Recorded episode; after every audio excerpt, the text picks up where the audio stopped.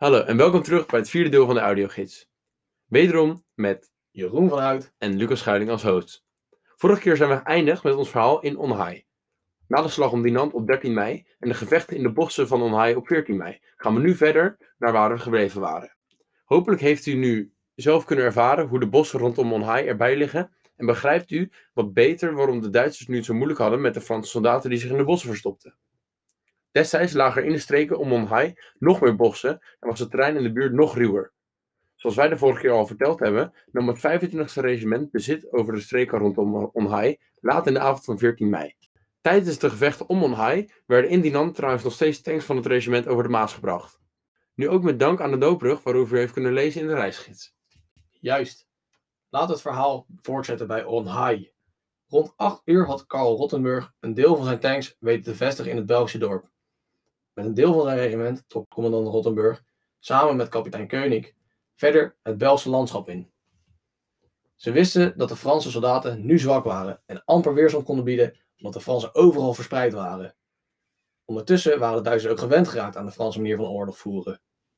Om deze twee redenen besloten de commandant en de kapitein van het 25e regiment om richting Morville en Ante te trekken, om zich daar in de avond te stationeren. Beide dorpen liggen ongeveer 4 à 5 kilometer ten westen van Onhai en de dorpen lagen mooi op de route naar Philippeville. Om ongeveer half elf 's avonds bereikten de eerste tanks van het regiment hun eindbestemming. En even later hadden ze beslag gelegd op het gebied rondom Morville en Ante. Nou, en dit gebeurde zonder al te veel moeite, omdat de Fransen zich praktisch allemaal hadden teruggetrokken tot achter een lijn van de verdediging in Philippeville. Rommel reed namelijk persoonlijk mee met de tanks om te kijken of iedereen nog wel een beetje volhield en om te controleren of niemand aan het verzwakken was. Het begin van de campagne was ondertussen al zo'n vijf dagen geleden en de Duitse soldaten hadden amper rust gehad. De meeste soldaten waren ongetwijfeld moe en de afgelopen drie dagen zat vol met veldslagen. Wij kunnen het ons nu natuurlijk lastig voorstellen om drie dagen non-stop in de tank te rijden en continu op onze hoede te zijn voor antitankgeschut. De meeste troepen van het 25e regiment maakten lange dagen mee met weinig slaap. En als je dan eindelijk wat rust kreeg, hoorde je nog continu bommen ontploffen in de verte. Het lijkt natuurlijk bijna onmenselijk om zo'n drie dagen continu zonder rust door te vechten. Ja, het lijkt me inderdaad vreselijk om dat inderdaad te moeten meemaken. En ik weet niet hoeveel u van de geschiedenis afweet, maar in de tijd van de campagne van 1940 gebruikten de Duitsers nog wel eens een, eh, een middeltje dat hielp tegen de vermoeidheid. Dit, uh, dit middel heette Pervitin en staat nu beter bekend als crystal meth. Dit middel werd uh, gebruikt in het Duitse leger als, als pillen, maar werd ook in de koekjes en in ander voedsel van het leger verwerkt. Het middel had het effect dat iemand zonder moeite drie dagen zonder slaap kon, terwijl hij of zij geen concentratieverlies leed. Het middel beïnvloedde mensen ook zo dat ze langdurig strak bleven staan, als ik het zo mag zeggen, en ja, dat was erg handig als soldaten dus twee of drie dagen achter elkaar flink moesten doorvechten. Ja, precies. Dit middel werd natuurlijk niet door iedereen gebruikt in het Duitse leger. En ook veel divisies en soldaten gebruikten het middel expres niet. Er is dus wel een kans dat in de koekjes en in de beschuiten van de soldaten van het regiment toch een beetje pervertien verstopt zat. En deze speculatie wordt ondersteund door een bron van een Duitse panzerbevelhebber die zegt: Ik strijd tegen vermoeidheid en moet mezelf helpen door pervertin-tabletten te nemen. Hoe andere soldaten hier in het regiment mee omgingen is niet duidelijk. Maar ik neem aan dat onze bevelhebber uit de bron niet de enige zal zijn geweest die pervertin gebruikt om wakker te blijven. Nee, nee inderdaad. Het, uh, het was destijds best een uh, veelgebruikt middel om uh, de mannen te kunnen verschaffen van de energie die nodig was om de blitzkrieg uit te voeren. Ja, precies. En ja, het, het, werd alom gebruikt. We durven niet met zekerheid te zeggen of het ook dus door iedereen gebruikt werd in het regiment, maar we mogen ervan uitgaan dat er dat een wel... aantal mensen inderdaad wel een paar pervertinkoekjes uh, achterover werkten voor, voor een battle. Ja, inderdaad. Nou, voor de Franse generaal Corrap van het Franse negende leger waren de afgelopen paar dagen echt een ramp geweest. Ondertussen was het 15 mei en tot nu toe was elke divisie die de generaal had ingezet tegen rommelende Duitsers compleet vernederd. Nou, nu zaten de Franse soldaten te schuilen in de buurt van Philippeville, terwijl het 25e regiment en het 7e motorbataljon eraan kwamen om ook deze keer weer de Fransen te vernederen en te laten vluchten. Daarbovenop had Rommel te horen gekregen dat hij die dag, 15 mei dus, kon rekenen op luchtsupport van de Duitse Stukas. Om 8 uur ochtends vroeg Rommel of er een bombardement op de Franse positie in Philippeville kon worden ingezet, omdat hij op dat moment zelf vertrok uit Morville. Nog geen twee kilometer buiten Morville kwamen de Duitse panzers van het 25e regiment op Frans verweer tegen. Dit gebeurde ter hoogte van Flavion, op de N97, waar zojuist heeft gereden. Ja, precies. Tussen half negen en negen uur in de morgen kwamen de Duitsers twee bataljons tegen die beschikten over een aantal Franse Char B1 tanks. Normaliter zouden de 37 mm kanonnen van de Tsjechische Panzer 38T niets uithalen tegen het 28 ton zware Char B1. Maar de mannen van Rotenburg en Rommel hadden geluk. De Franse tanks stonden te wachten op brandstof en werden op dat moment bijgevuld.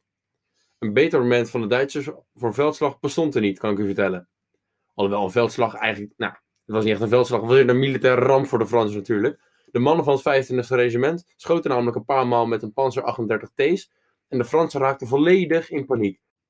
En omdat er dus werd bijgetankt, door de Fransen vloog hun tank al gauw in de fik. Of konden ze niet wegrijden en dekking zoeken. Ja, het was zelfs zo erg die paniek dat enkele Franse bemanningsleden zelfs hun eigen tank in de hand zetten. Het blijft me toch elke keer weer verbazen hoe slecht voorbereid en armzalig het Franse leger tot nu toe de oorlog voerde. Twee bataljons met meerdere zware tanks werden verslagen door het 25e regiment alsof het niets was. En zeven van de Char B1 tanks werden vernietigd. Het is eigenlijk ook geen wonder dat de Duitsers tot nu toe al binnen zes dagen meer hadden bereikt dan ze ooit hadden durven te dromen. Want de Fransen die bleven maar stuntelen in hun verweer tegen de Duitse divisies. Na de ontmoeting met de Franse zware tanks reden Rottenburg en Rommel door met het regiment. Het opruimen van de Franse soldaten liet ze over aan de rest van de 7e divisie, die namelijk vlak achter hen volgde. Ja, en de tocht richting Philippeville werd voorgezet, want er was geen tijd om stil te zitten. In het kader van de Blitzkrieg trok het 25e regiment direct door, via de weg die nu bekend staat als de N97. Dit is de weg die als het goed is, ook heeft genomen op de route naar Philippeville. Nu staat hij iets ten noordwest van het Belgische dorp. Dit punt hebben we nog niet voor niets voor u uitgekozen. Nadat de Duitsers relatief makkelijk zelf door Philippeville waren gereden, wilde Rommel de gebieden om het dorp ook bezetten. Daarom reden ze langzaam door via de N40, de weg waar hij nu staat. Alhoewel de Duitse panders reden met name door weilanden en bossen, want de wegen lagen vol met kraters van de Stuka-bombardementen. Zoals we ondertussen van generaal-major Rommel verwachten, gaf hij ook van dit moment weer een mooi verslag. Meerdere wapens en voertuigen van de Fransen waren vernietigd. En de bemanning die lag ondertussen verscholen tussen de bossen, aangezien ze waarschijnlijk al genoeg geleden hadden onder onze luchtbombardementen. Enorme kraters op de weg zorgden ervoor dat we af en toe een omweg moesten nemen door de bossen. Ongeveer drie kilometer ten noordwesten van Philippeville kwamen we terecht in een kort vuurgevecht met enkele Franse troepen die positie hadden opgenomen tussen de heuvels en bosgebieden in het zuiden van Philippeville. Onze tanks vochten door de actie heen en richtten hun kanonnen naar links. En dan snel was de stil. U staat nu ongeveer op het punt waar Rommel destijds reed met de panzers van het 25e regiment. En als u nu naar het zuidoosten kijkt, ziet u de heuvels waar de Franse troepen destijds stonden. Stelt u even voor, u rijdt hier nu. U zit in een tank en in het zuidoosten ziet u ineens de vijand. De kanonnen richt u op de heuvels en u ook vuur op de Franse soldaten. Zo ging het al toe op 15 mei 1940. De schoten van de Duitse tanks zouden vrij gemakkelijk de Franse soldaten op de heuvels het zwijgen opleggen. Misschien was het wel even fijn voor de Duitse soldaten dat het op die dag, 15 mei, allemaal even wat soepel liep. Tot dat moment in ieder geval. In de middag rond 4 uur hadden de Duitsers het gebied rondom Philippeville onder controle. En dat alles ten koste van slechts twee panzers en 15 manschappen. De bemanningen van de twee tanks die vernietigd waren, die hadden echter niet stilgezeten. En die waren begonnen samen met andere Duitse soldaten om gevangenen op te nemen. Honderden Franse motorsoldaten en hun officieren kwamen uit de bosjes in de omstreken. Op het verzoek van enkele Franse officiers liet Rommel het toe dat de gevangenen in Philippeville hun spullen mochten ophalen. Natuurlijk uh, komt dit laatste stukje uit een uh, bron die door Rommel zelf is geschreven. We weten dus niet daadwerkelijk of de Duitse generaal-major zo vriendelijk was, of dat het slechts een uh, verhaaltje is om zichzelf even in de schijnwerpers te zetten. Maar laten we er even van uitgaan dat de beste man hier de waarheid vertelde. Aan de andere kant van het spectrum vertelt een van de Duitse panzerbevelhebbers wel hoe moe hij was. En dat hij verder niets kon zonder de pervert in. Ja, precies. Ook omschreef deze man dat zijn mannen en zijn machines moe waren. Ze drie dagen geen rust hadden gehad, ze op twee sneutjes brood per maaltijd leefden en vreselijke dorst hadden. Naast voelde de beste man zich net een varken door de modder en stank. Het leven van een soldaat in de 25e panzerregiment ging zeker niet over roosjes. Het was verschrikkelijk hard werken en Rommel als leider, ja, dat was echt een taai leven.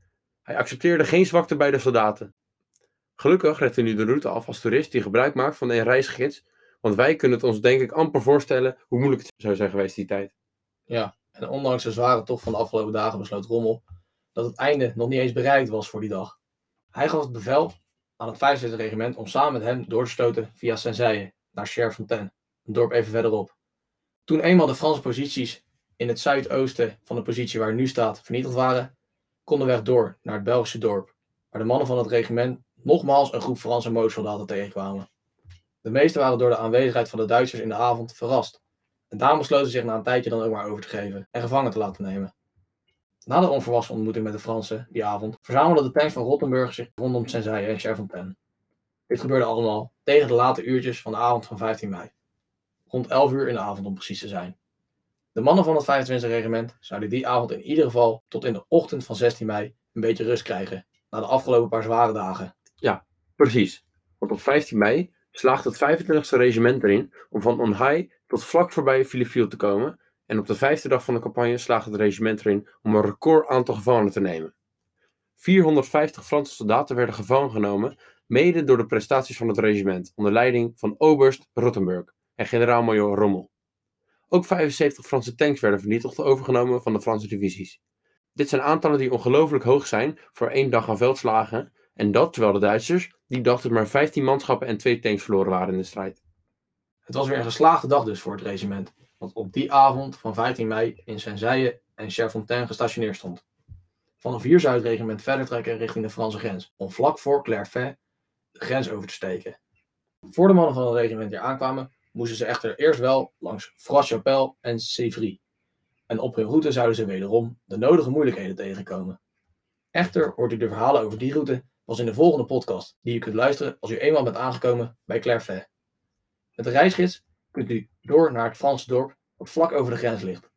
Maar dit was het in ieder geval weer voor deze podcast. We spreken u later in Clairvaux. Ja, en zoals de Duitsers graag zouden zeggen, bis dan!